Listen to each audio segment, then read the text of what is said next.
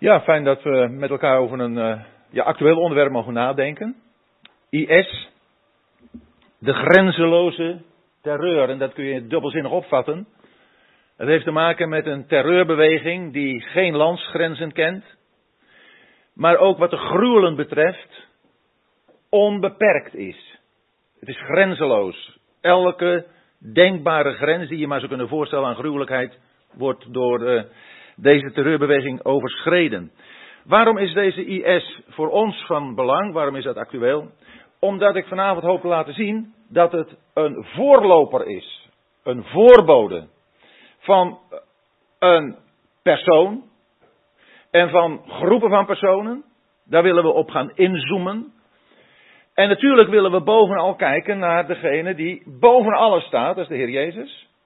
Maar ook waar het IS en degene die daarachter zitten, waar de IS als het ware de schaduwen van vooruitwerpt, om te zien wat een grenzeloze haat dit volk heeft tegen Israël. En daarmee ook tegen de Heer Jezus. Daarom kort een paar dingetjes over ISIS, zoals het vroeger genoemd werd, nu IS. ISIS, dat staat voor Islamitische Staat in Irak en Syrië. Maar het is nu IS omdat het veel meer omvat dan alleen maar Irak en Syrië. Het is nu Islamitische Staat. En daar hebben we twee hoofdstromingen in, in die islam. De eerste, dit is de Soenieten. Ik heb er uh, ook verder geen studie van gemaakt. Ik heb het ook uit een boekje, maar ik herken het wel, ook uit het nieuws, die namen. Uh, waar de geestelijke leider van een imam is. En binnen die groepering is de imam ook een feilbaar iemand. De tweede, dat zijn de Shiiten. Die worden geleid door de Ayatollah. En dat is een onfeilbaar iemand. De Sunnieten vind je vooral in Syrië, Irak. En de Shiiten onder andere in Iran, maar in nog, nog meer gebieden. Waarom is dit van belang? De Shiiten die zijn een godsdienstige stroming. Die hebben een religieus idee, die hebben een ideologie. En als er iets is wat een mens uh, brengt tot de meest gruwelijke dingen, is het een ideologie, is het een religie, is het een godsdienst. De spiegel wordt ook ons voorgehouden als christenen. Wij hebben wat dat betreft ook geen goede geschiedenis. Maar hier vinden we de twee hoofdstromingen. En het doel van de islam is om een islamitisch kalifaat, dat is een theocratie, onder één religieuze en politieke leider die uit naam van Allah spreekt, op te richten. En het wachten is dan op wat zij ook noemen de Messias, de Mahdi. En die gaat dan het voor hen vrederijk stichten. Dat vrederijk dat natuurlijk, en dat zien we, alleen maar op bloed is gebaseerd, gevestigd wordt. Dit is het gebied dat de IS wil veroveren. Dat heb ik van internet. Dat is het territorium dat de Islamitische Staat naar eigen zeg wil veroveren. De kaart werd door IS verspreid via sociale media eind juni 2014. Dus dat is wat zij willen. Maar geloven er gewoon helemaal niks van. Ze willen de hele wereld hebben. Waar het om gaat is om dit kleine stukje Israël, wat ongeveer hier ligt. Daar is het allemaal om te doen en dan met name de stad Jeruzalem. En daar zullen we vanavond nog het een en ander meer over horen. Die is in Bijbels profetisch perspectief. De IS, die representeert een islam met al zijn gruwelen. Die wil, en dat heeft natuurlijk de Ayatollah Khomeini van Iran ook duidelijk gezegd, maar dat staat ook in andere handvesten waar de islam het uh, voor het zeggen heeft, dat Israël die moet van de landkaart. IS, en dan wordt het, komt het nog steeds dichterbij, IS heeft bondgenoten onder andere in Syrië, Iran, Kush en Libië. Kush is Ethiopië, nu, nu Eritrea. Met Soudaan, ligt onder Egypte. En nu zou je denken, ja, Iran, Irak en, en Syrië, Soenieten, Shiiten, die zijn met elkaar in, in strijd ook steeds. Dat is een kwestie van tijd. En ook uh, de Satan zit daarachter en in de hemelse gewesten, dat maakt Daniel 8 ons duidelijk, in de hemelse gewesten zijn de demonen het allemaal perfect met elkaar eens. Er moet chaos op aarde komen. En wat dat dan ook maar is, en of je nou in onvrede met je buurman leeft, die je misschien ook wel wiens bloed je kunt drinken. Of dat het gaat om grote bevolkingsgroepen. De Satan is degene die altijd uit is op het verderf van mensen. En daar gebruikt hij ideologieën voor, onder andere. En deze gebieden, die liggen oostelijk, noordelijk, oostelijk, zuidelijk en westelijk van Israël. Daar zie je dat, is, dat Israël als het ware al ingesloten is door dat islamitische denken. De gemeenschappelijke haat tegen Israël, die zal die onderlinge verschillen overwinnen. En we hebben daarvan een voorbeeld in de Bijbel. Dat staat in Lucas 23, vers 12. Daar lezen we over Herodes en Pilatus, die op een bepaalde dag vrienden van elkaar worden. En dan staat er, want tevoren leefden zij in vijandschap met elkaar. En gemeenschappelijke haat, die overbrugt kloven die er kunnen zijn. Als die gemeenschappelijke haat iets betreft wat van God is, wat van Christus is. En wat dat betreft werpt de IS de schaduw van de koning van het noorden en Assyrië vooruit. En nu stappen wij naar het profetische deel. En daarvoor wil ik eerst met u kijken naar het zogeheten ABC van de profetie. Het gaat om Israël in de profetie. Heel veel teksten in de Bijbel van het Oude Testament gaan over Israël, de toekomst van Israël, maar ook alles wat er aan vooraf gaat. En een van de aspecten die nodig was om wat God heeft gezegd in zijn woord in vervulling te laten gaan, is dat er in Israël weer een staat zou zijn. Nou, de Bijbel heeft er altijd al over gesproken. En als u soms uh, uitleggers leest van begin uh, eh, 1900 tot 2000, maar vooral van begin 1900, maar daar lees je over dat zij hebben gezegd, aan de hand van de Bijbel, er zal een staat Israël komen. En zie daar, 1948, natuurlijk bij de gratie van de, uh, van de, van de Verenigde Naties en zo, maar er is een staat Israël ontstaan. Alleen een staat in ongeloof.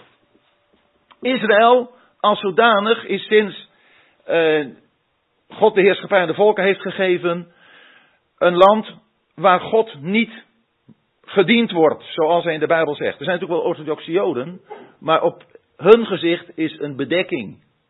Zij, de Joden, leven op basis van hun militaire kracht. Daar zullen we dadelijk nog even iets van zien in, in het boek Daniel. Maar ze zijn in ongeloof daar.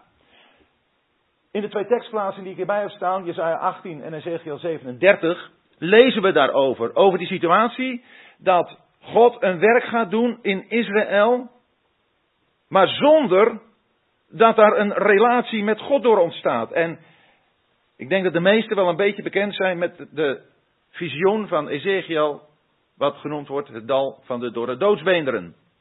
In Ezekiel 37, in die versen 1 tot 14, daar krijgt Ezekiel de opdracht om naar het dal te gaan en daar ziet hij een dal door de doodsbeenderen. En dan moet hij daar tegen profiteren en dan ziet hij hoe daar die beenderen zich aan één gaan hechten. Nou, Israël is dood geweest. Israël is op een punt geweest, inderdaad, totaal van de landkaart weggeveegd te worden. En God heeft erover gewaakt. En op een bepaald moment is daar tot die nationale eenheid gekomen. Alleen, zo staat er ook in Ezekiel 37, er is nog geen geest in hen. Zij zijn nog niet in relatie met God. Zij verwachten niet de Messias die God heeft. Zij verwachten het van hun militaire kracht. Dat is 1948. Voordat we naar de toekomst gaan, waarvan we op de drempel staan, hebben we eerst nog de opname van de gemeente. Oftewel de opname van de gelovigen. Want niet alleen de gemeente, de gelovigen van de gemeente sinds de Pinksterdag worden opgenomen dan, maar ook alle gelovigen van het Oude Testament. Als de Heer Jezus terugkomt, en dat lezen we in die plaatsing die ik hierbij heb staan, dan gaan al die gelovigen de Heer tegemoet in de lucht. En dan, dan gaat het wat Gods woord als profetie aanduidt. En dan gaat God de draad met Israël, die hij heeft laten vallen, weer oppakken. En gaat hij de geschiedenis verder. Dus sinds de tijd dat God de wereldregering overdroeg aan de volken, in de persoon van Nebukadnezar. Toen zijn de tijden van de volkeren begonnen,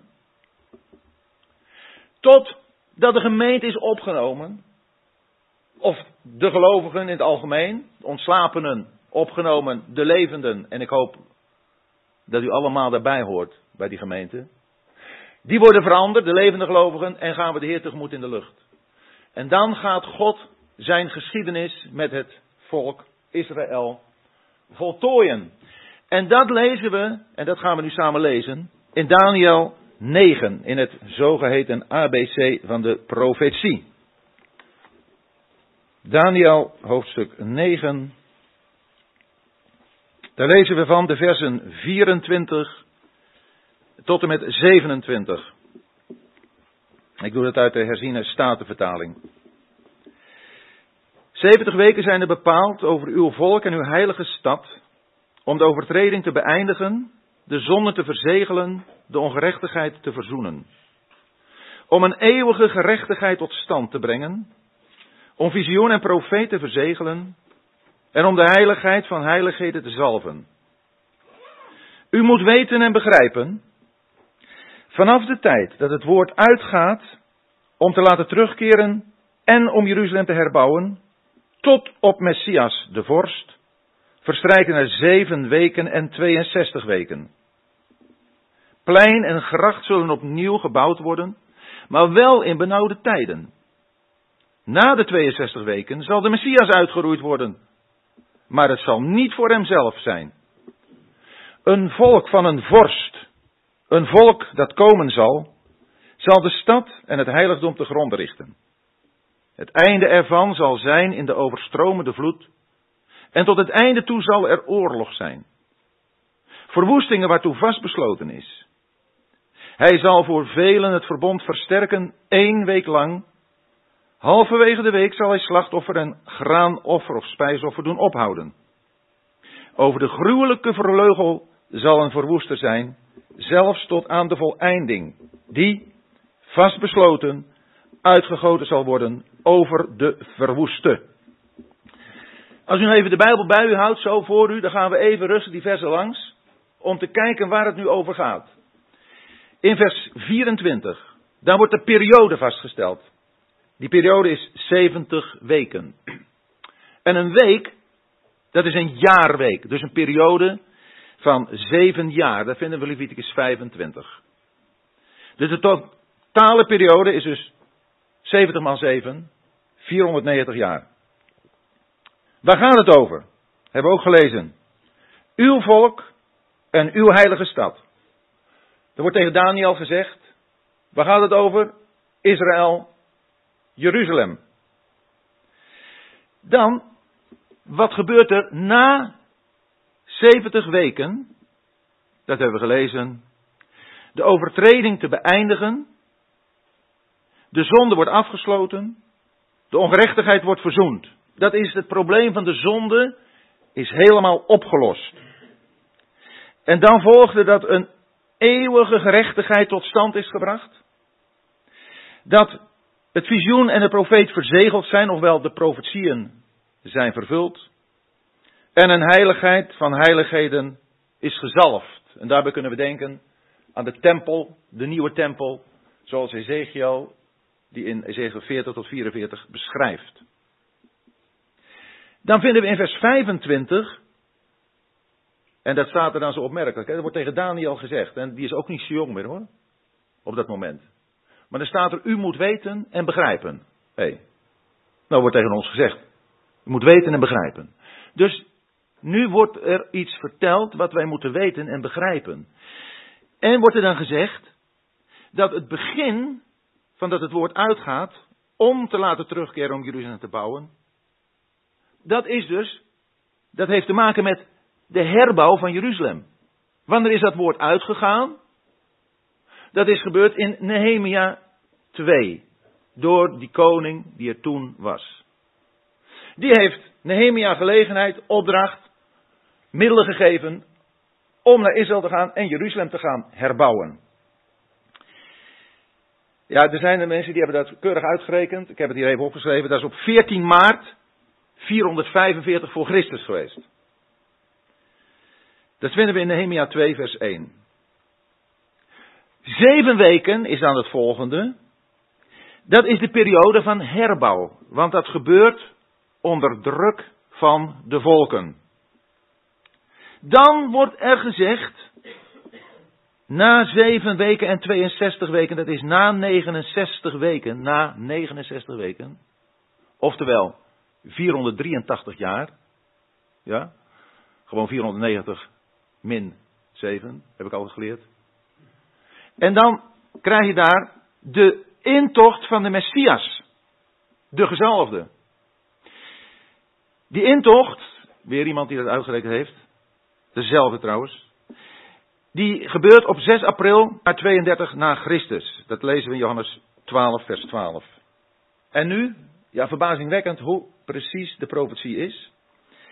Dat is 69 jaar maal 360 dagen, want een profetisch jaar is 360 dagen. 69 maal 360 dagen is 173.880 dagen.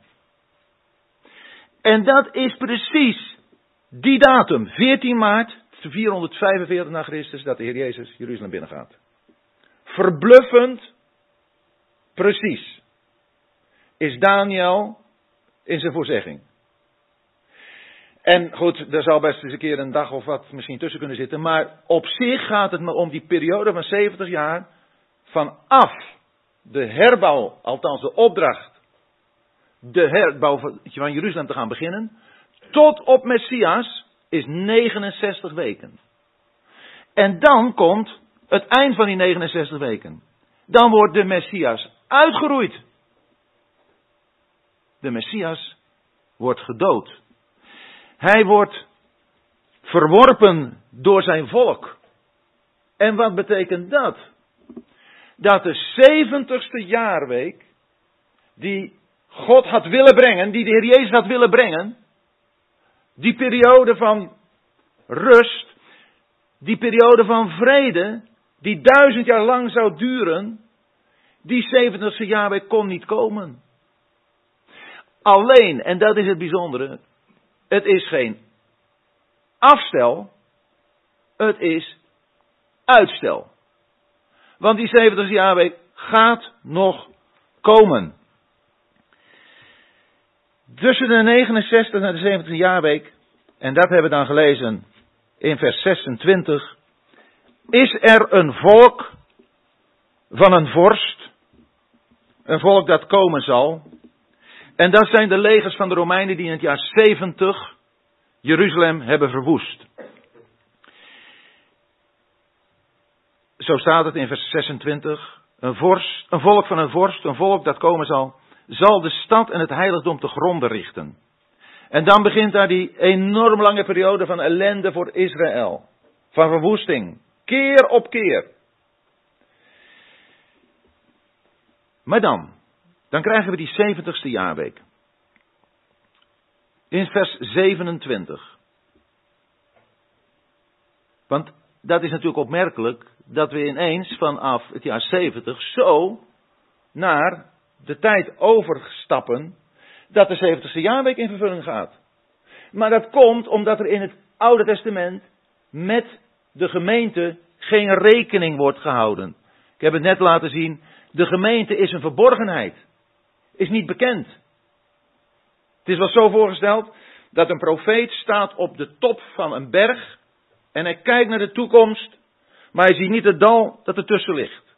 En in de tussentijd heeft God gebruikt om daar de gemeente te vormen.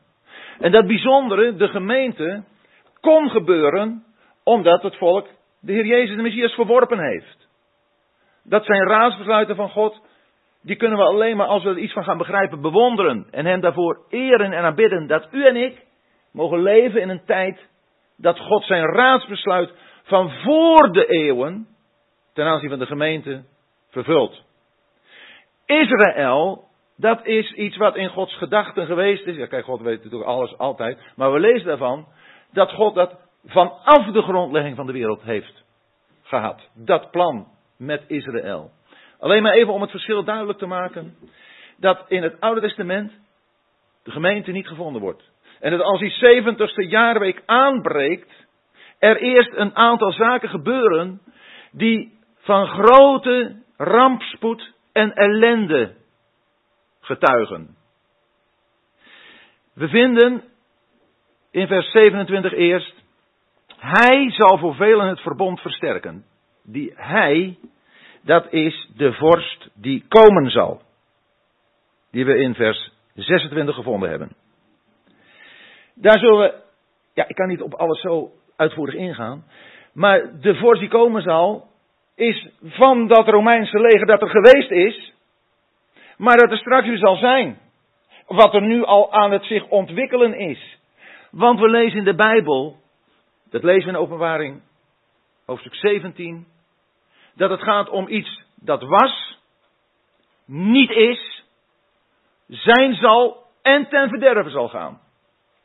En dan gaat het over het herstelde West-Romeinse Rijk, oftewel, laat ik het even wordt gemaakt zeggen, de Europese Unie. Wij leven in een situatie, in een tijd, dat wij het profetisch woord in vervulling zien gaan. We hebben al een klein beetje gezien in die 48 van Israël, maar we zien het in Europa ook. Europa wordt een machtsblok. En ondanks ook wat dat allemaal weer voor internationale problemen met zich meebrengt, het gaat gewoon gebeuren. En of er nou een brexit is of nog een keer een nexit komt, het maakt allemaal niks uit. Gaat gewoon gebeuren. Het is een kwestie van uitstel. Maar het gaat gebeuren. En dat verbond, dat gaat gesloten worden tussen.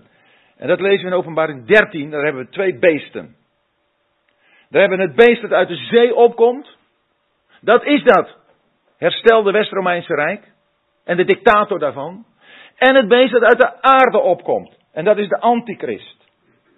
U moet het allemaal maar eens rustig nalezen. Maar die twee beesten zijn het. Dat zijn dieren zonder enig godsbesef. En als er al een godsbesef is, dan is het om hem te lasteren. Of om hem na te bootsen. Het beest uit de zee lastert hem. Het beest uit de aarde bootst hem na. Zegt dat hij zelf God is. Gaat in de tempel zitten. En maakt voor het beest uit de zee een beeld en zet het ook in de tempel. Daar komen we zo nog even op. Maar daar vinden we dat verbond tussen de dictator van het West-Romeinse Rijk, dat herstelde Romeinse Rijk, de Europese Unie, en de antichrist die in Israël regeert. De antichrist is de persoon die, en anti heeft twee betekenissen, het is de persoon die tegen Christus is, en het is de persoon die in de plaats van Christus is. Maar de antichrist in Israël, die sluit dat verbond met Europa. Of misschien gaat het initiatief wel van Europa uit. Als ik Jezaja 18 goed begrijp. Dan zal Europa dat verbond met Israël sluiten. Hij zal, en zo staat het ook hier, hij zal dat verbond sterk maken. Hij doet het met de velen. En de velen zijn de ongelovige massa van de Joden. Hij doet het een week lang. Dat is die zeven jaar. En dan, dan gebeurt er iets halverwege.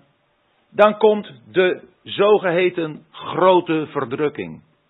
Daarover lezen we in Matthäus 24, vers 21. De Heer Jezus, die spreekt daarover tot zijn discipelen in die profetische reden in de hoofdstukken 24 en 25. En hij zegt in vers 21. Want er zal dan een, verdruk, een grote verdrukking zijn zoals er niet geweest is van het begin van de wereld af tot nu toe. En er ook geen zins meer zal komen. Wat die grote verdrukking inhoudt, de rampen en plagen die over de wereld komen, vinden we in het boek, vooral in het boek Openbaring. Onder de zeven zegels, de zeven bezuinen, de zeven schalen die de hevigste oordelen zijn. In openbaring 7 vers 14 is er ook sprake van de grote verdrukking.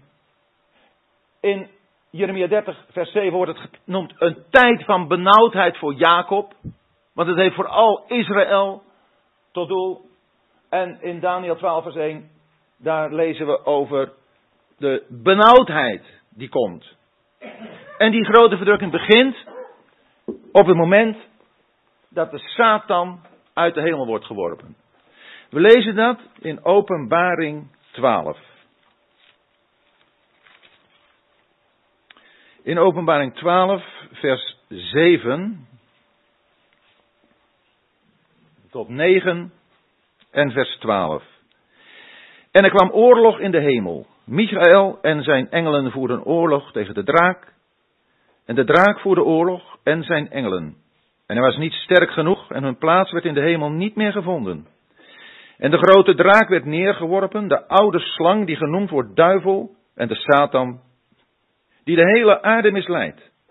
Hij werd neergeworpen op de aarde en zijn engelen werden met hem neergeworpen. Vers 12 in het midden.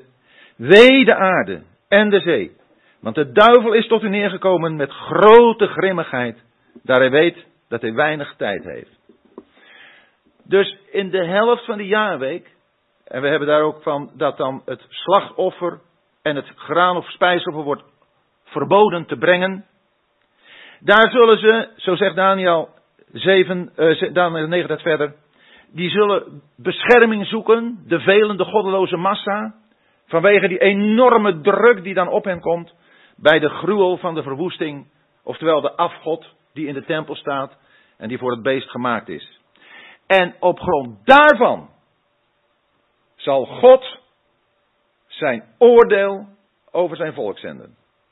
En dat gaat hij doen door middel van de koning van het noorden en daarachter het Assyrische Rijk. We hebben het gehad over het beest uit de zee, de beest uit de aarde, met een afgod in de tempel. Daarover lezen we in openbaring 13 al aangehaald. Ook in 2 Thessalonicus 2, de versen 3b en 4. Daniel 9 vers 27 hebben we gehad. Matthäus 5, 24 vers 15 ook. Het verbond, daar gaan we nog even iets over lezen, is een bijzonder verbond tussen die twee personen of machten. In Jesaja 28 versen 14 en 15. Daarom hoor het woord van de Heere, uw spotters, uw heersers over dit volk, dat in Jeruzalem is. Omdat u zegt, wij hebben een verbond gesloten met de dood. En met het rijk van de dood zijn we een verdrag aangegaan. Wanneer de alles wegspoelende geestel voorbij trekt, en daarmee bedoelen ze de grote vijand voor hen, de koning van het noorden en de Assyriër. Wanneer die voorbij trekt, komt hij niet bij ons. Want van de leugen hebben wij ons toevluchtsoord gemaakt. En in het bedrog hebben wij ons verborgen.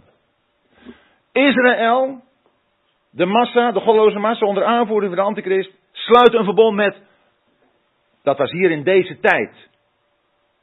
Van Hiskia, van de tijd waarover Jezaja schrijft. Egypte. Maar alles in het, in het de profetieën heeft ook een toekomst uitleg. En hier vinden we dit ook. Hier in de toekomst, waar we heel vlakbij staan, zal dit verbond met de dood gesloten worden. En je ziet die toenadering steeds meer tussen Europa en Israël. En wat betekent dat dat verbond met de dood is? Dit verbond brengt niet anders dan de dood. Want alles wat gebeurt om je sterk te maken zonder God, bewerkt de dood. En zo hoorde ik onlangs van iemand die ook hierover sprak, die zei: Europa is sowieso een natie van de dood. Hier in dit deel van de wereld wordt niet meer geleefd, hier wordt gedood. In de moederschoot, er wordt gedood aan het eind van het leven. Maar ook alle instellingen van God worden gedood. Huwelijk, gezin, onlangs. Ook meer dan twee ouders is mogelijk, vier ouders zelfs. Het is de waanzin ten top. God wordt totaal buitenspel gezet. En alles wat God gezegd heeft over de elementen, de elementaire dingen van het samenleven, wordt met voeten getreden. En dat kan niet anders dan vanuit de dood komen, maar ook de dood bewerken. En met deze dood sluit Israël, de antichrist, de goddeloze massa, een verbond. Het is een verbond met een leugen. En dat gaat ook blijken.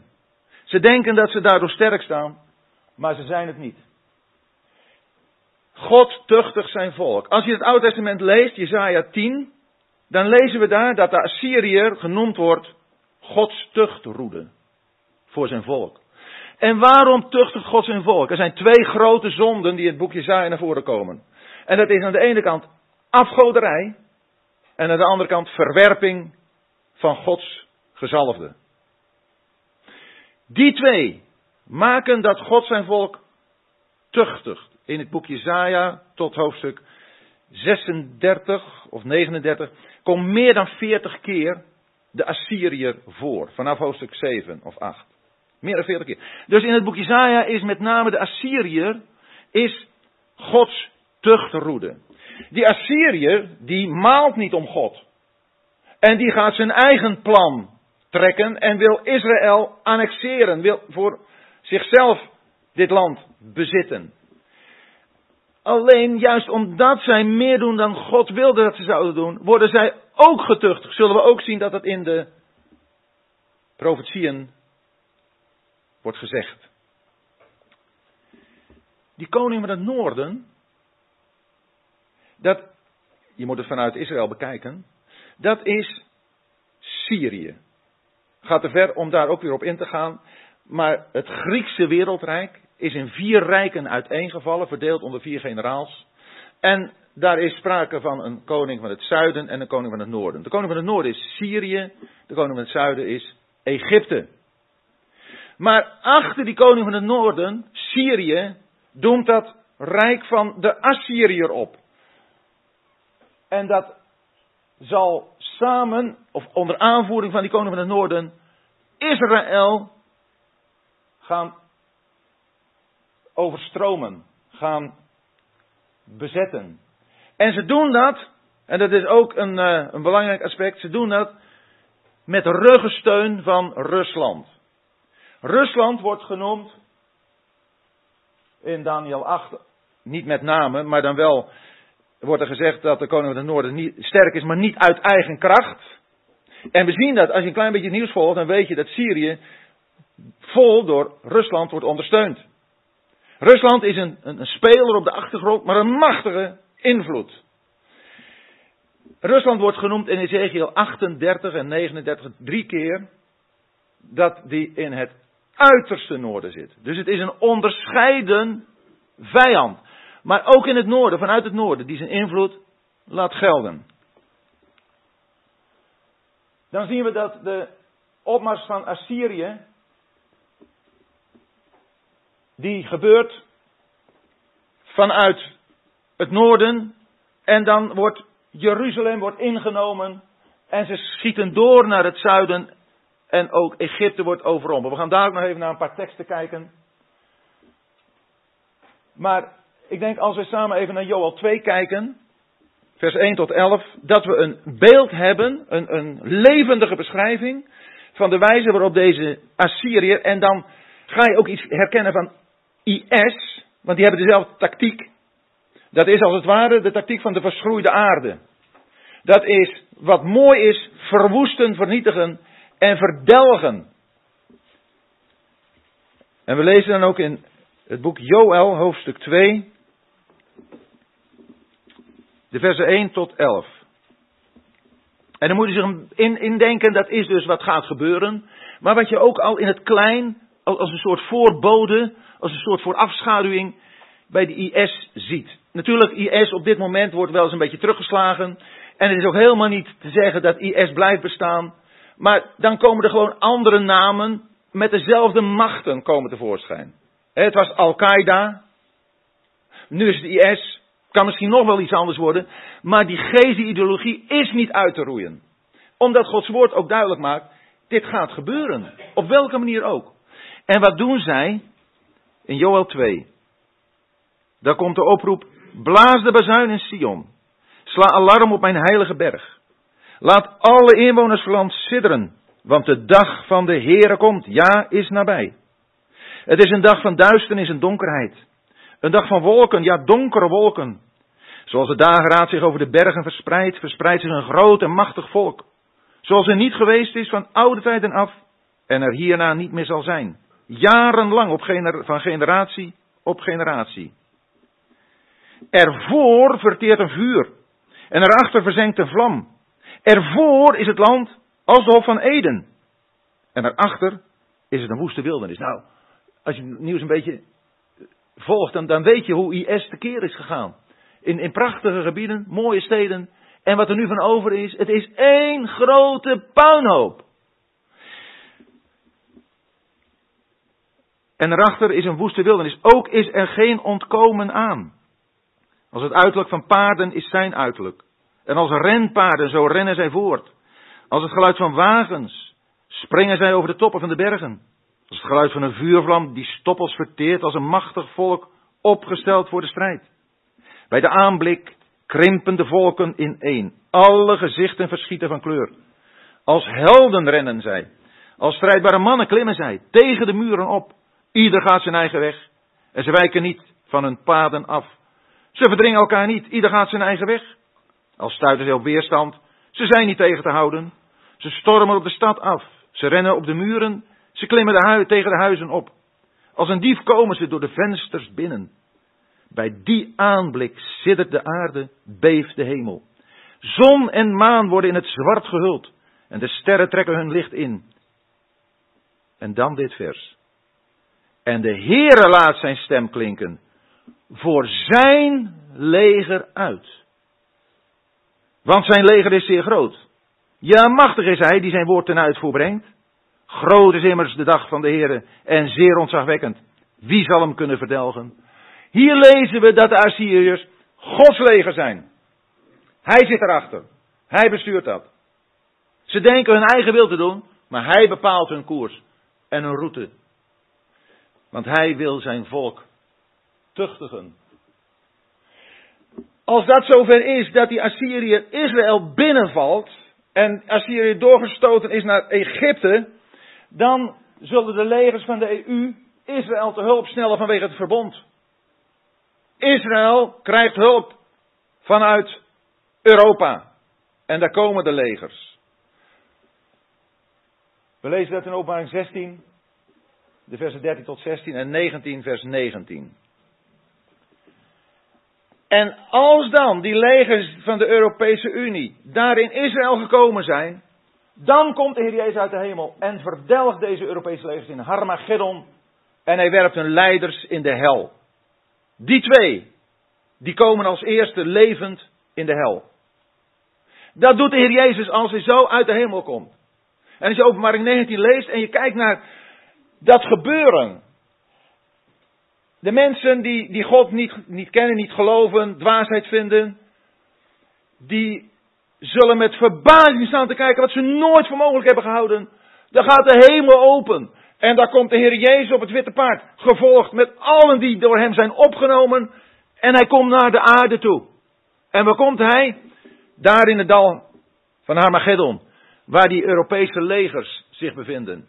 En hij verslaat hen, verdelgt hen. Er blijft niets van over. Dit is Harmageddon. Dat is een vlakte in het noorden van Israël.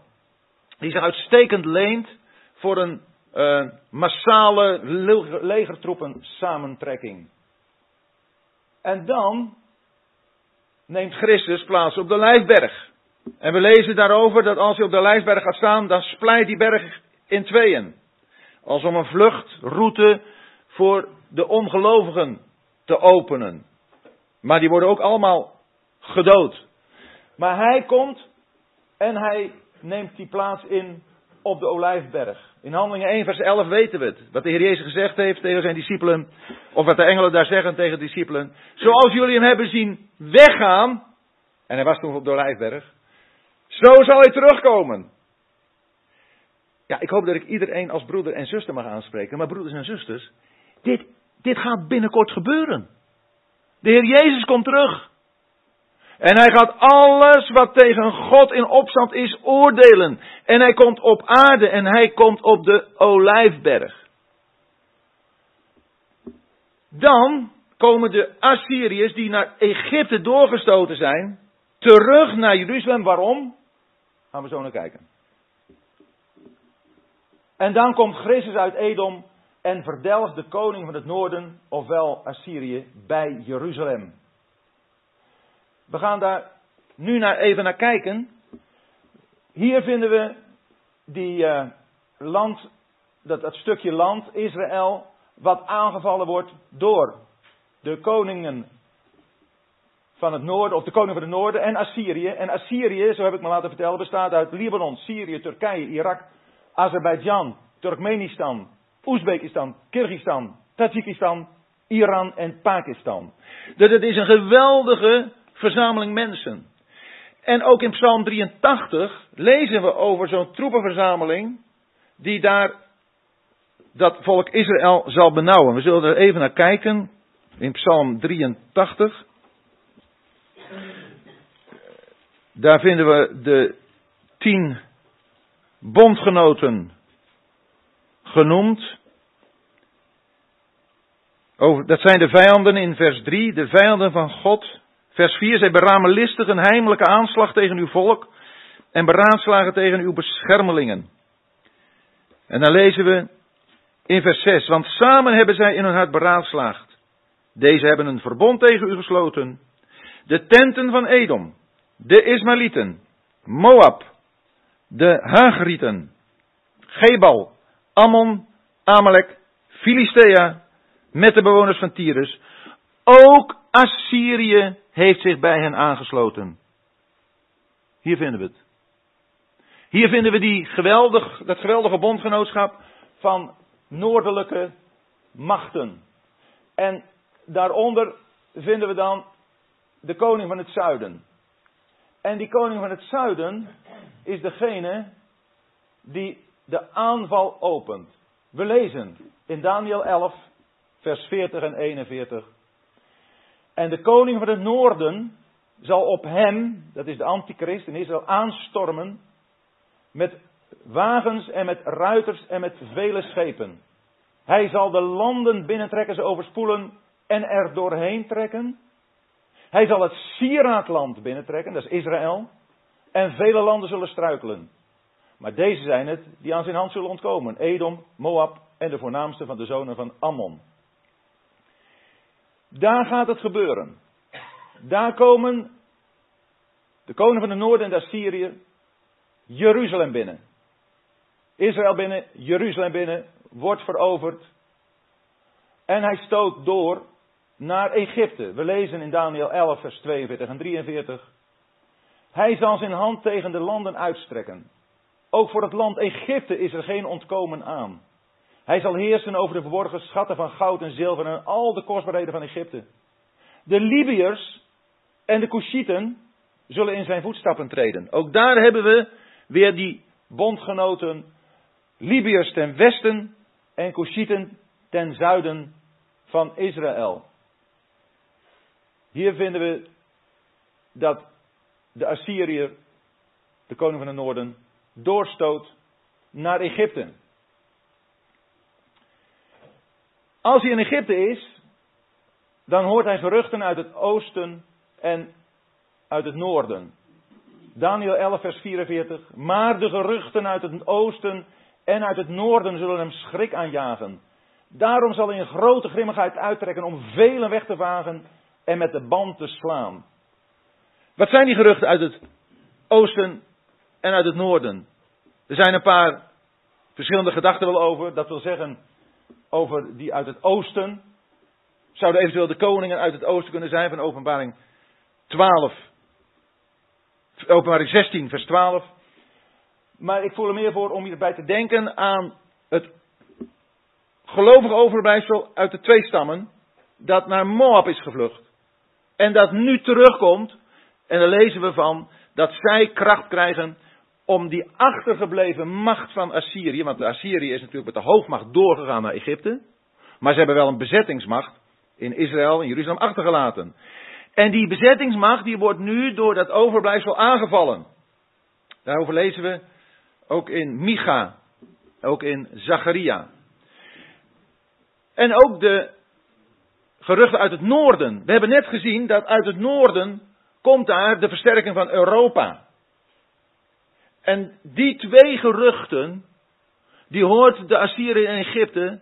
En dat maakt hem woest. En hij gaat terug om vele weg te vagen. Want, want hij wil al zijn gruwel en al zijn grimmigheid daarop uitlaten. Hier vinden we die twee geruchten.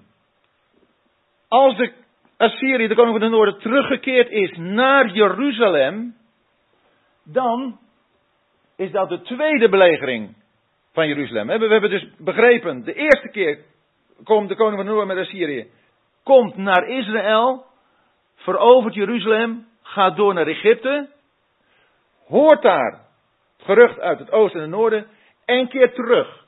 En dan zegt Daniel 11, vers 45, zal hij de tenten van zijn paleis opzetten tussen de zeeën, dat is de Middellandse Zee in een meervoudige vorm, en de berg van het heilig sieraad.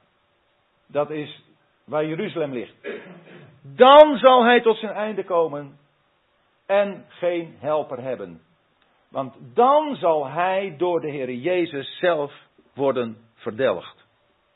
Dan komt de Assyriër, dan komt de koning van het Noord aan zijn einde. Dan kan de vrede, want alle vijanden die daar rondom Israël uh, aanwezig zijn en hun vijandschap hebben getoond, die zijn verdelgd. Ik heb het gehad over het gelovig overblijfsel van de Joden, de twee stammen. Dat is op dat moment verlost van zijn vijanden. We lezen daarover in Jezaja 10 en ook in Zephania 3.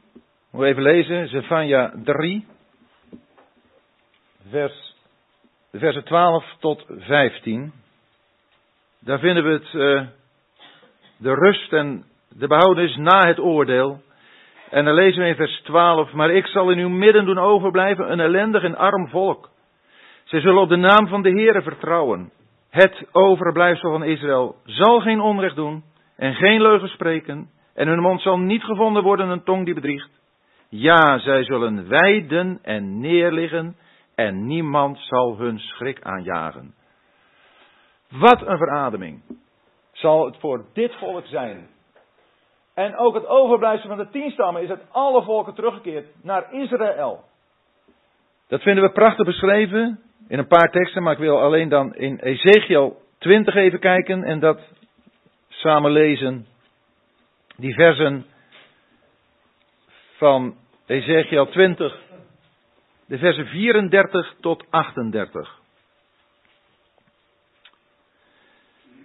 Ik zal u uit de volken leiden en u bijeenbrengen uit de landen waaronder u verspreid bent. Met sterke hand, met uitgestrekte arm en met uitgestorte grimmigheid.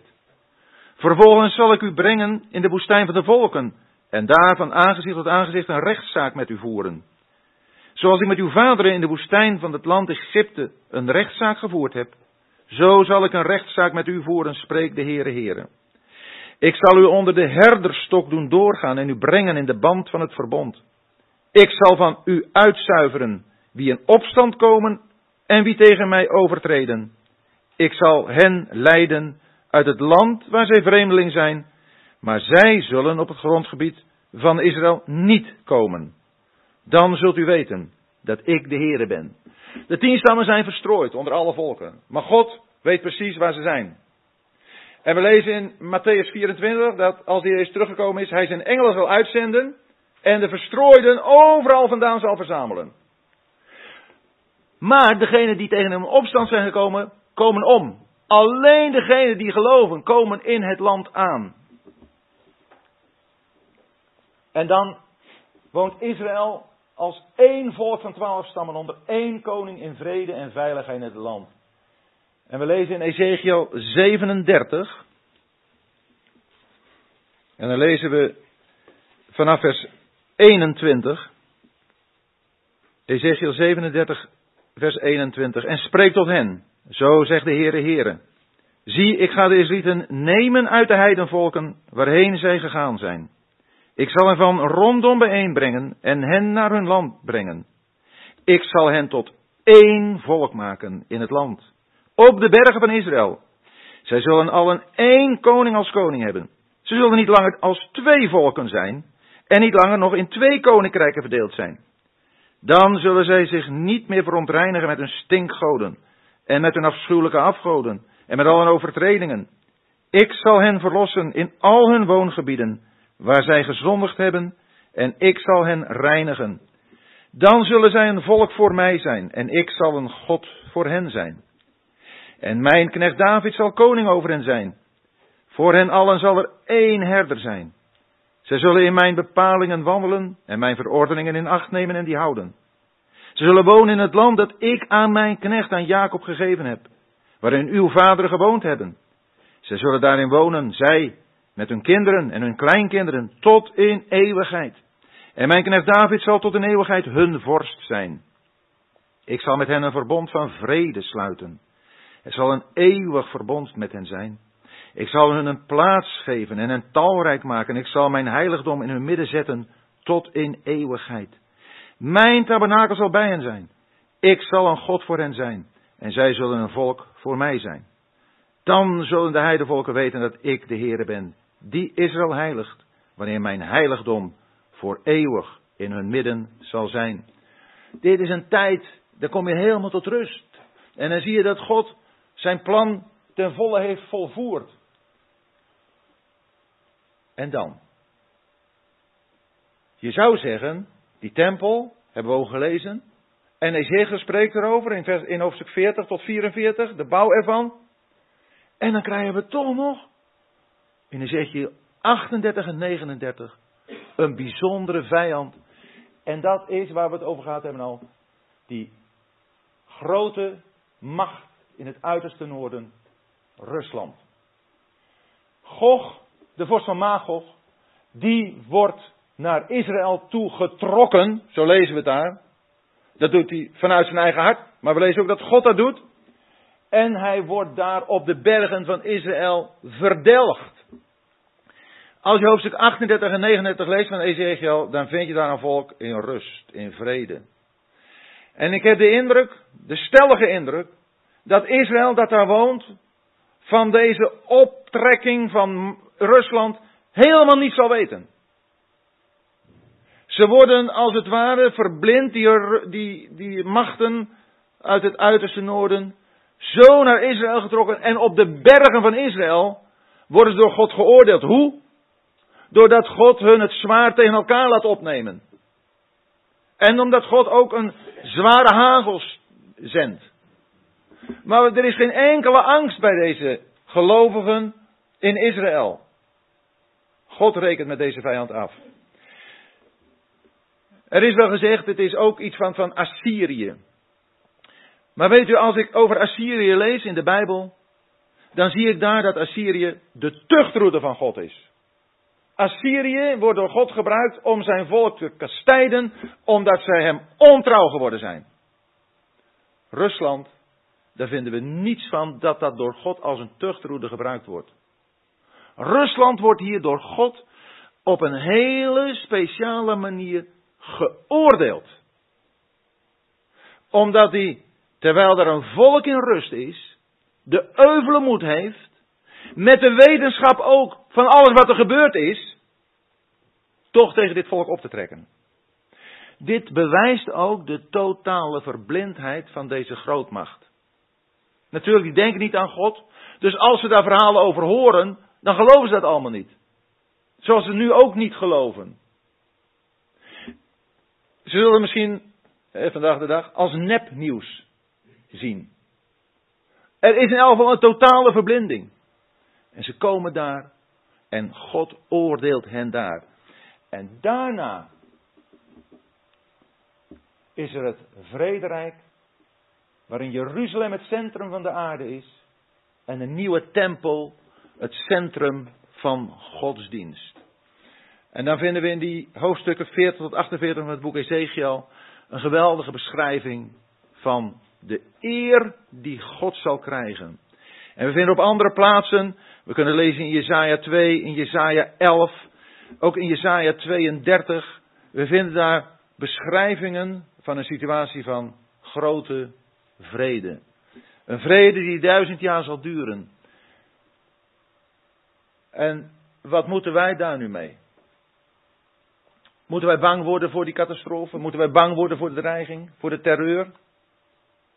Het is in Parijs gebeurd. Het is in Brussel gebeurd. Het kan zomaar in Terneuzen gebeuren. Iemand die zich opblaast in een winkelcentrum. Kan zo gebeuren. We hebben geen enkele garantie dat het hier niet kan gebeuren. Maar moet ons dat bang maken? Wij hoeven geen enkele angst te hebben als wij dit mogen weten. Jezaja 32 sluit aan op een gedeelte, Jezaja 28 tot 31, waarin het gaat over de Assyriër. Over zijn enorme dreiging, de macht die hij heeft en de terreur die hij uitoefent. Maar Jezaja 32 is het begin van, van ook weer zo'n mooie beschrijving.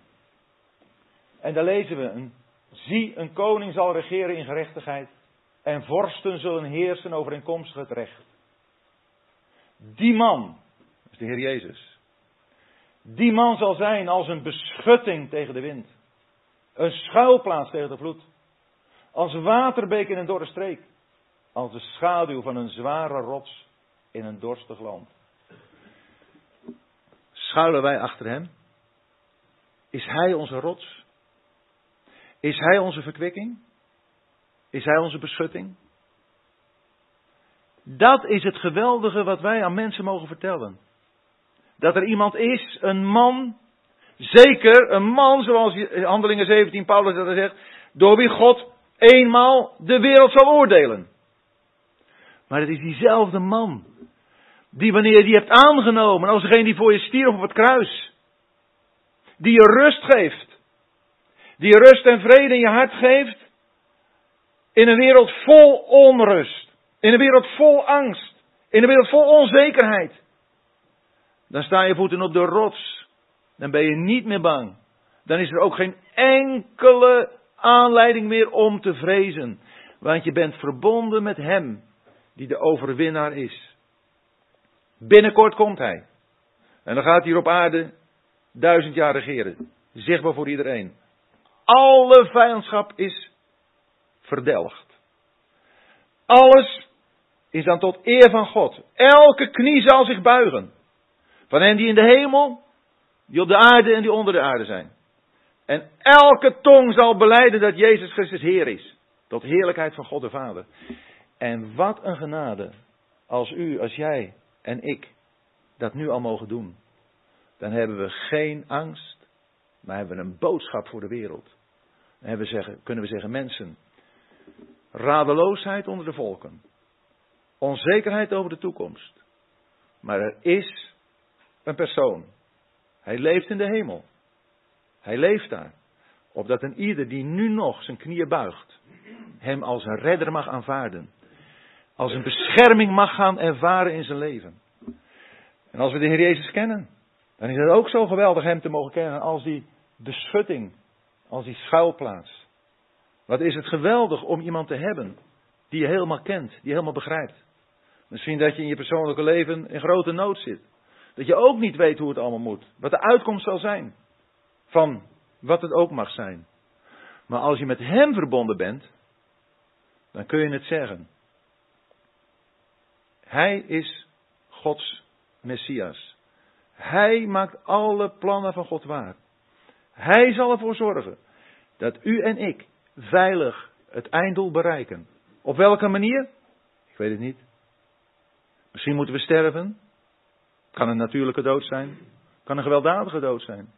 Maar wat is dan de dood? De dood is dan een dienst van God. Die ons overbrengt in het paradijs. De dood is voor ons geen verschrikking meer. Waar is, o dood, uw prikkel? Waar uw overwinning? En dat lezen we dan tenslotte uit, die, uit het hoofdstuk van de opstanding in 1 Corinthians 15. Dan lezen we in vers 54. En wanneer dit vergankelijke onvergankelijkheid zal aandoen en dit sterfelijke onsterfelijkheid zal aandoen, dan zal het woord uitkomen dat geschreven staat. De dood is verslonden tot overwinning. Waar is dood uw prikkel? Waar is dood uw overwinning? De prikkel nu van de zonde is de, de, de van de dood is de zonde. En de kracht van de zonde is de wet. Maar God zij dank, die ons de overwinning geeft. Door onze Heer Jezus Christus. Daarom, daarom Mijn geliefde broeders, wees standvastig, onbewegelijk, altijd overvloedig in het werk van de Heer, daar u weet dat uw arbeid niet vergeet is in de Heer. Want er komt een opstanding. En er wordt alles beloond. Wat u en ik voor hem hebben gedaan. En al hebben we misschien in deze wereld geen erkenning gekregen. Hij geeft die erkenning. En gaat het niet alleen daarom wat hij zegt. Wat is het mooi. Als we daarna kunnen uitkijken. Wat is het mooi als dit ons verlangen is. Uit de mond van de Heer te horen. Wel gedaan. Goede en trouwe knecht. Over weinig ben je trouw geweest. Over veel zal ik je stellen. Ga de vreugde van je Heer in. Wat een toekomst. Voor eh, degenen die de website niet kennen, Oude Sporen, daar staan nog wat commentaren op waar je iets kunt lezen over de teksten die we zo hebben doorgenomen. Dus www.oudesporen.nl, daar uh, kun je terecht. Ik heb twee uh, schriftelijke vragen gekregen, dat wil zeggen twee vragen op één blaadje. De eerste vraag, heeft het dan nog zin om tegen IS in te gaan, al staat al vast? Ja, ik, ik weet niet precies wat de bedoeling is van tegen de IS ingaan. De wapens opnemen tegen IS? Ja, IS is. Nou, de IS uh, heeft het zin om tegen dat hele gedachtegoed in te gaan, omdat die invloed ook steeds meer hier komt. En IS is toch islam, ja, het is islamitische staat uh, ja, in te gaan. Het heeft denk ik geen enkele zin om tegen wat dan ook in te gaan. Of het nou abortus is, of euthanasie, of dat het allerlei andere vormen van onrecht is. Waar het om gaat is dat we het duidelijk zien als onrecht, op welke manier en op welk terrein dan ook. En dat zodra we met iemand in contact komen, kunnen getuigen van wat we hebben. En zeker als, als iemand natuurlijk ons weer wil opleggen, zullen we ons zeker moeten verweren. Maar dan moeten we dat doen in alle liefde, zoals ook de Heer Jezus dat gedaan heeft. In de zin van dat we willen proberen om van een tegenstander een medestander te maken. Dat wil zeggen dat we hem of haar vertellen over de liefde van de Heer Jezus. Zodat wat niet goed is door degene die dat dan aanvaardt, uh, dat wordt weggedaan. En het goede daarvoor in de plaats komt. De wereld heeft een probleem. En dat probleem, als we dat even heel globaal zo zeggen, is IS. Maar het is natuurlijk een geweld, een monsterachtige afleidingsmanoeuvre van de Satan. Om de mensen niet met hun eigen werkelijke probleem te confronteren. En dat is dat ze zondaars zijn.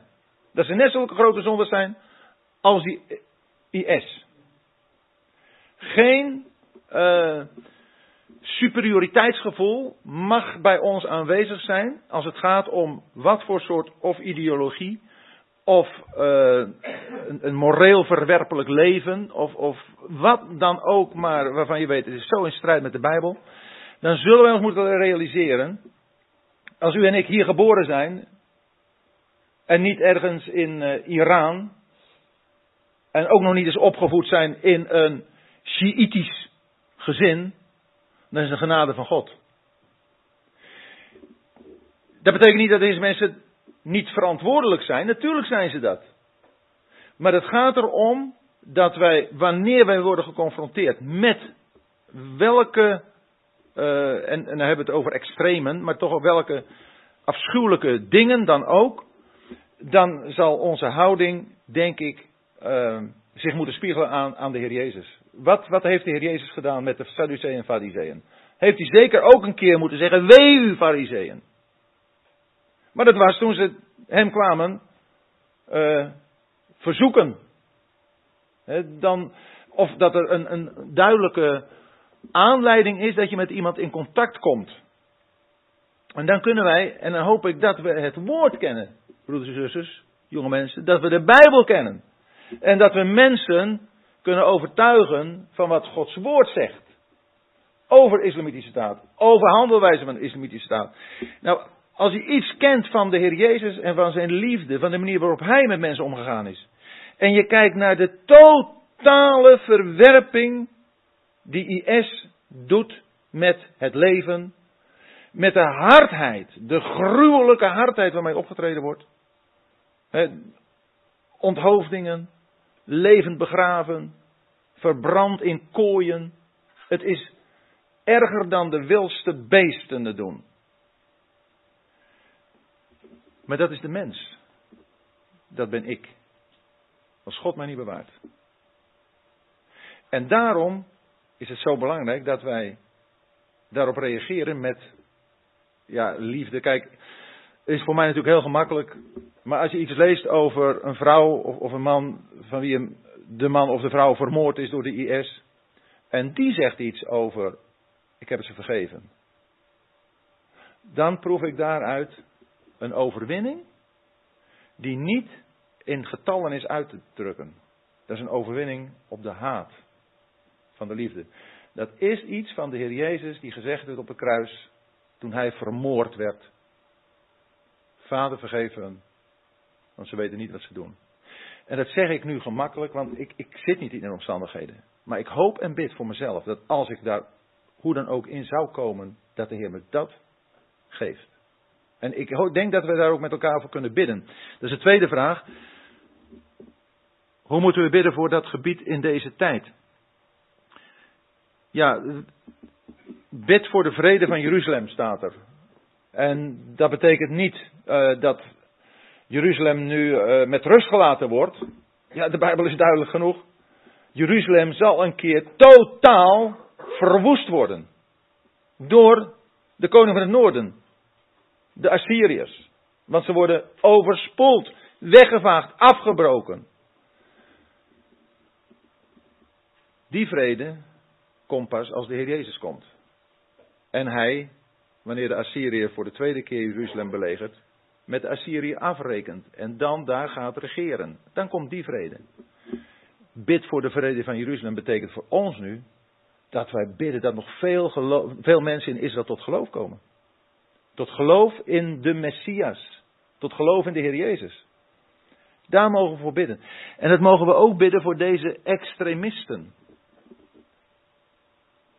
En de een zal dat zwaarder op zijn hart hebben dan de ander. Daar hoeven we elkaar ook niet de maat in te nemen. Eh, je hebt mensen die hebben veel contacten met uh, uh, mensen van de islam. Ik, ik, heb er zelf niet zoveel. Ik, ik heb er ook niet zoveel mee. Maar kom je ermee in aanraking, wil je toch proberen iets van de liefde van de Jezus te vertellen. En met één, daar hebben we het nog even in de pauze over. De islam is in wezen een puur antichristelijke godsdienst. Het is een demonische religie. We leven in, in een wereld waarin ook christenen steeds meer toenadering zoeken, want we hebben toch een gemeenschappelijke voorvader. Abraham zegt men dan. Maar het is een demonische godsdienst. We moeten daar niet heel medemenselijk over gaan doen als het gaat om hun ideologie. Die is totaal verwerpelijk. Het is een godsdienst die gebaseerd is op geweld. En natuurlijk heb je er ook wel verschillende stromingen in. Er zijn ook best lieve, lieve moslims. Als het gaat om, om je buren of, of, om mensen met wie je omgaat op je werk of, of wat dan ook. Gewoon. Maar de ideologie is puur demonisch. Daar moeten we geen enkel begrip voor hebben dat het ook maar iets zou hebben wat, wat past bij christen zijn. Niets. Als we dat helder hebben, dan kunnen we gaan helpen. We kunnen alleen iemand helpen als we zelf een plek van afzondering innemen van het kwaad. De Heer Jezus heeft altijd, is altijd bereikbaar geweest voor de meest verloren en, en de, de, de persoon die het verst weg was van hem, was hij altijd heel bereikbaar. Maar hij is nooit met hen omgegaan in de zin van dat iemand geaccepteerd werd in zijn kwaad. En daarom is het voor ons belangrijk. Wij vertegenwoordigen een God van heiligheid. Dat betekent niet dat wij zo goed zijn, maar we vertegenwoordigen een God van heiligheid. Om het even iets, iets dichterbij te trekken ook. Als je kinderen hebt, dan heb je het gezag over je kinderen. En vertegenwoordig je Gods gezag. Dat betekent niet dat wij daarin volmaakt te werk gaan. Maar omdat wij niet volmaakt zijn, hoe moeten we niet zeggen, nou ja, Maar luister, ik ben niet volmaakt, dus ja, mijn kinderen die, die hebben wel het grootste gelijk als ze zeggen van, je hebt niks over me te vertellen, maar je bent zelf ook dit of dat. Ouders hebben gezag van God gekregen. En zo is het ook, als je christen bent, dan ben je overtuigd dat dit de waarheid is. Dat is niet een waarheid, het is de waarheid. Omdat je gelooft in Hem die de weg, de waarheid en het leven is. Dan verkondig je niet een mening, iets van, nou ja, probeer dit eens. Nee, dit is gewoon de enige waarheid. Daar is geen enkele twijfel over, er is geen enkele discussie over mogelijk. En als ik, dat heb ik een keer gehoord, hoor dat in een christelijke gemeente een imam werd uitgenodigd om daar zijn ideeën eens naar voren te brengen, dan zeg ik je bent getikt. Dan geef je de duivel een podium. Daar moet je nooit aan beginnen. En dat kan heel open zijn, en heel medemenselijk, heel vriendelijk en heel tolerant. Maar dat is niet wat God van ons vraagt. Het gaat wel dat wij vriendelijk moeten zijn, ook naar zo iemand. Maar je gaat niet iemand een podium geven die een duivelse leer naar voren brengt. En je gaat niet kijken van, nou, wat hebben we nou gemeenschappelijk? Daarom hebben wij nog een overtuiging. Hebt u nog een overtuiging? Of gooi je te grabbel? Meningen zijn er genoeg. Maar waar is onze overtuiging? En nogmaals, het gaat er niet om om dat even hotain, even, even vanuit de hoogte, even vanuit dat superioriteitsgevoel te presenteren. Want we heb, wij hebben niks. Wij zijn helemaal niks. En als we iets mogen zijn, is het zijn genade. En we moeten ons realiseren dat alleen genade ons kan helpen om dat te presenteren, om dat door te geven wat we zelf uit genade ontvangen hebben. En ik hoop dat dat voor mezelf in elk geval helder blijft. Dat, want die invloed, en, en dat is wel zo, die invloed, die komt gewoon op je af. En, en hoe meer je je daarmee bezighoudt, hoe meer je probeert partijen te begrijpen of, of en, en ook een beetje gemeenschappelijke basis zoekt om toch in gesprek te komen of te blijven, ja, dan is het gewoon, gewoon groot dat je beïnvloed wordt en het zicht, het goede zicht, kwijtraakt. En daar heeft de een waarschijnlijk een andere opdracht in dan de ander. Nou, dat kan. En laten we bidden voor, voor gelovigen die daar opdrachten in hebben om zich met moslims bijvoorbeeld uh, bezig te houden. Om, om hen op een bepaalde manier te benaderen. Uh, we hoeven niets, ik ook niet iets te zeggen over een manier van benaderen. Dat, dat zal de Heer wat duidelijk maken. En dat kan heel onorthodox zijn. En misschien mijn idee dat ik denk van nou hoe kan dat. Maar dat, dat is aan de Heer. Dat is aan de Heer. En dat hoef ik niet te bepalen, want dat is niet mijn opdracht. We moeten elkaar die ruimte geven en ook voor elkaar bidden daarin.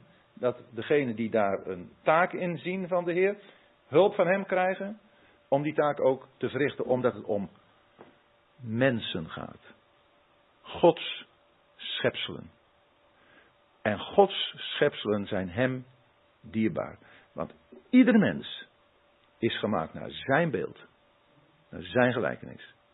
Vandaar dat er staat dat we alle mensen moeten eren.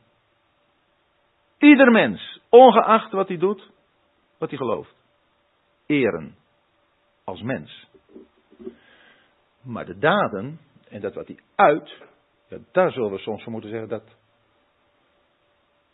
Dat is zo in strijd met de Bijbel, daar kunnen we gewoon niet in meegaan. En, en soms moet je, omdat iemand ja, niet anders zich alleen maar altijd zo uit, moet je soms ook contact verbreken. Ook in de gemeente is dat belangrijk natuurlijk. Maar dat maakt de Heer ook wel duidelijk. Ja, zo komt er achter zo'n vraag toch nog wat een en ander weg. Zijn er nog mondelinge vragen? Ja, die heb ik eh, al eh, heel gehad, ja.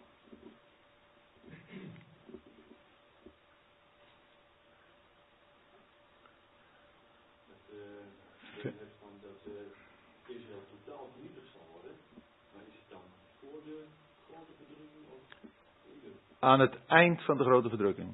Aan de grote, door die koning van het noorden, de Assyrië. Ja, dat is. Uh, aan het eind van de grote verdrukking. Ja.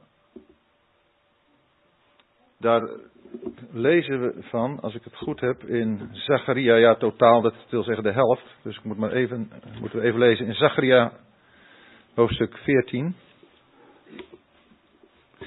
De versen 1 en 2.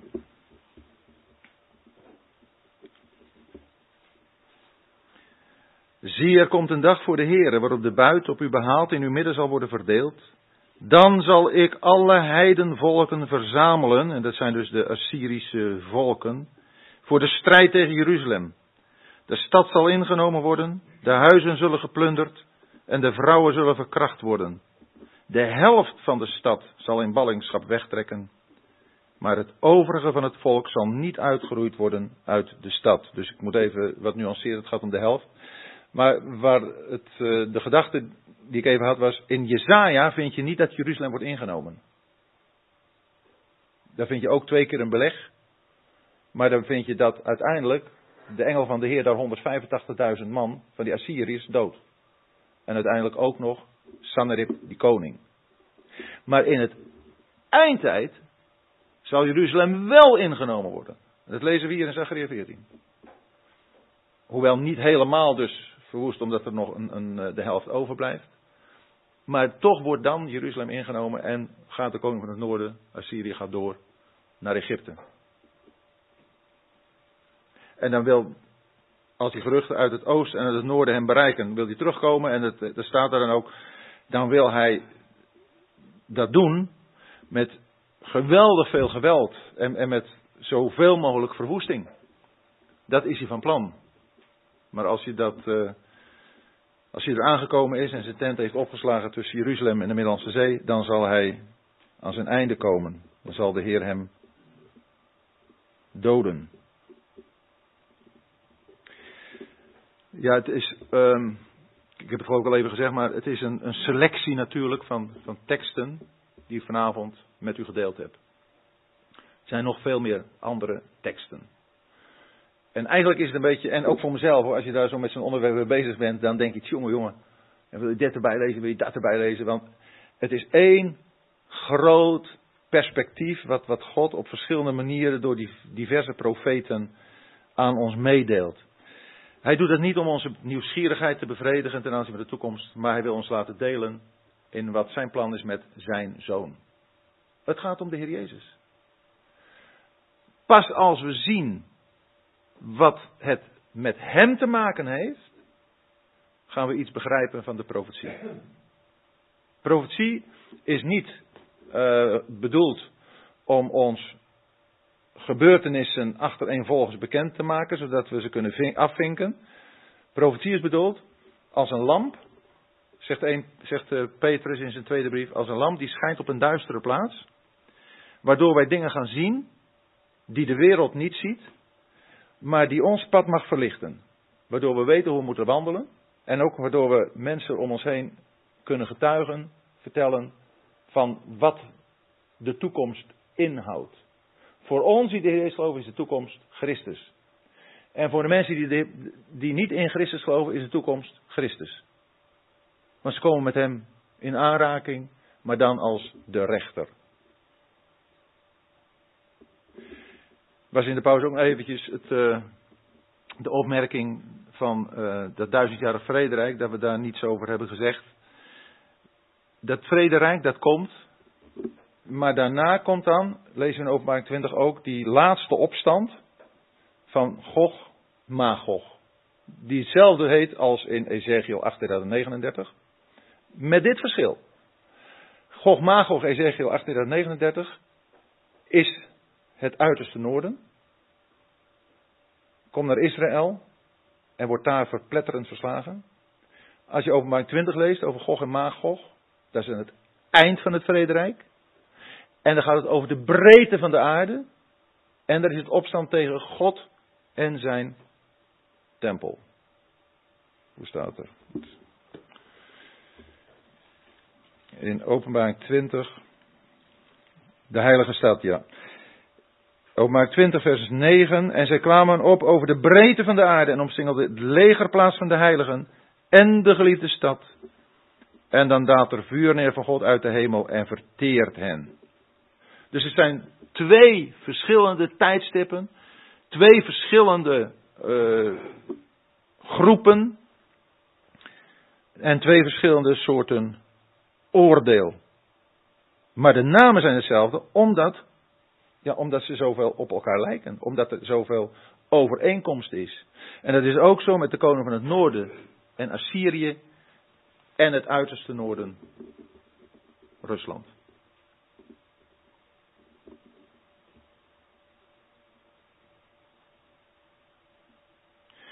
Dus profetie, als het goed is, maakt ons hart warm voor de Heer Jezus. Ja, en als dat het is, dan, dan wil je gewoon meer weten van het woord. Wil je weten van Hem, want het gaat om Hem.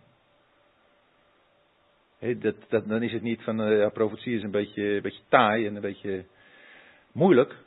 Ja, ja, we zullen toch wel iets willen doen. We willen toch wel het woord van God onderzoeken en, en meer ervan willen weten, omdat het om Hem gaat. In het boek Openbaring, hoofdstuk 1, daar vinden we als het ware die, die motivatie.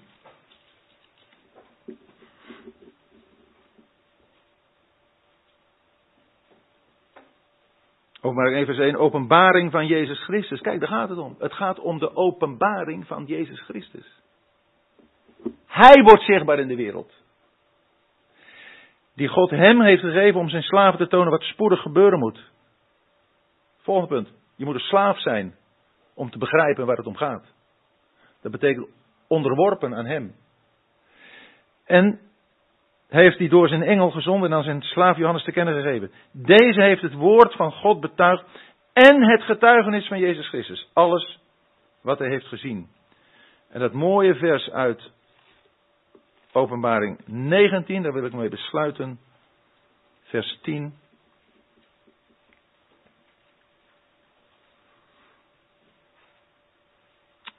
de laatste regel van vers 10 van Openbaring 19.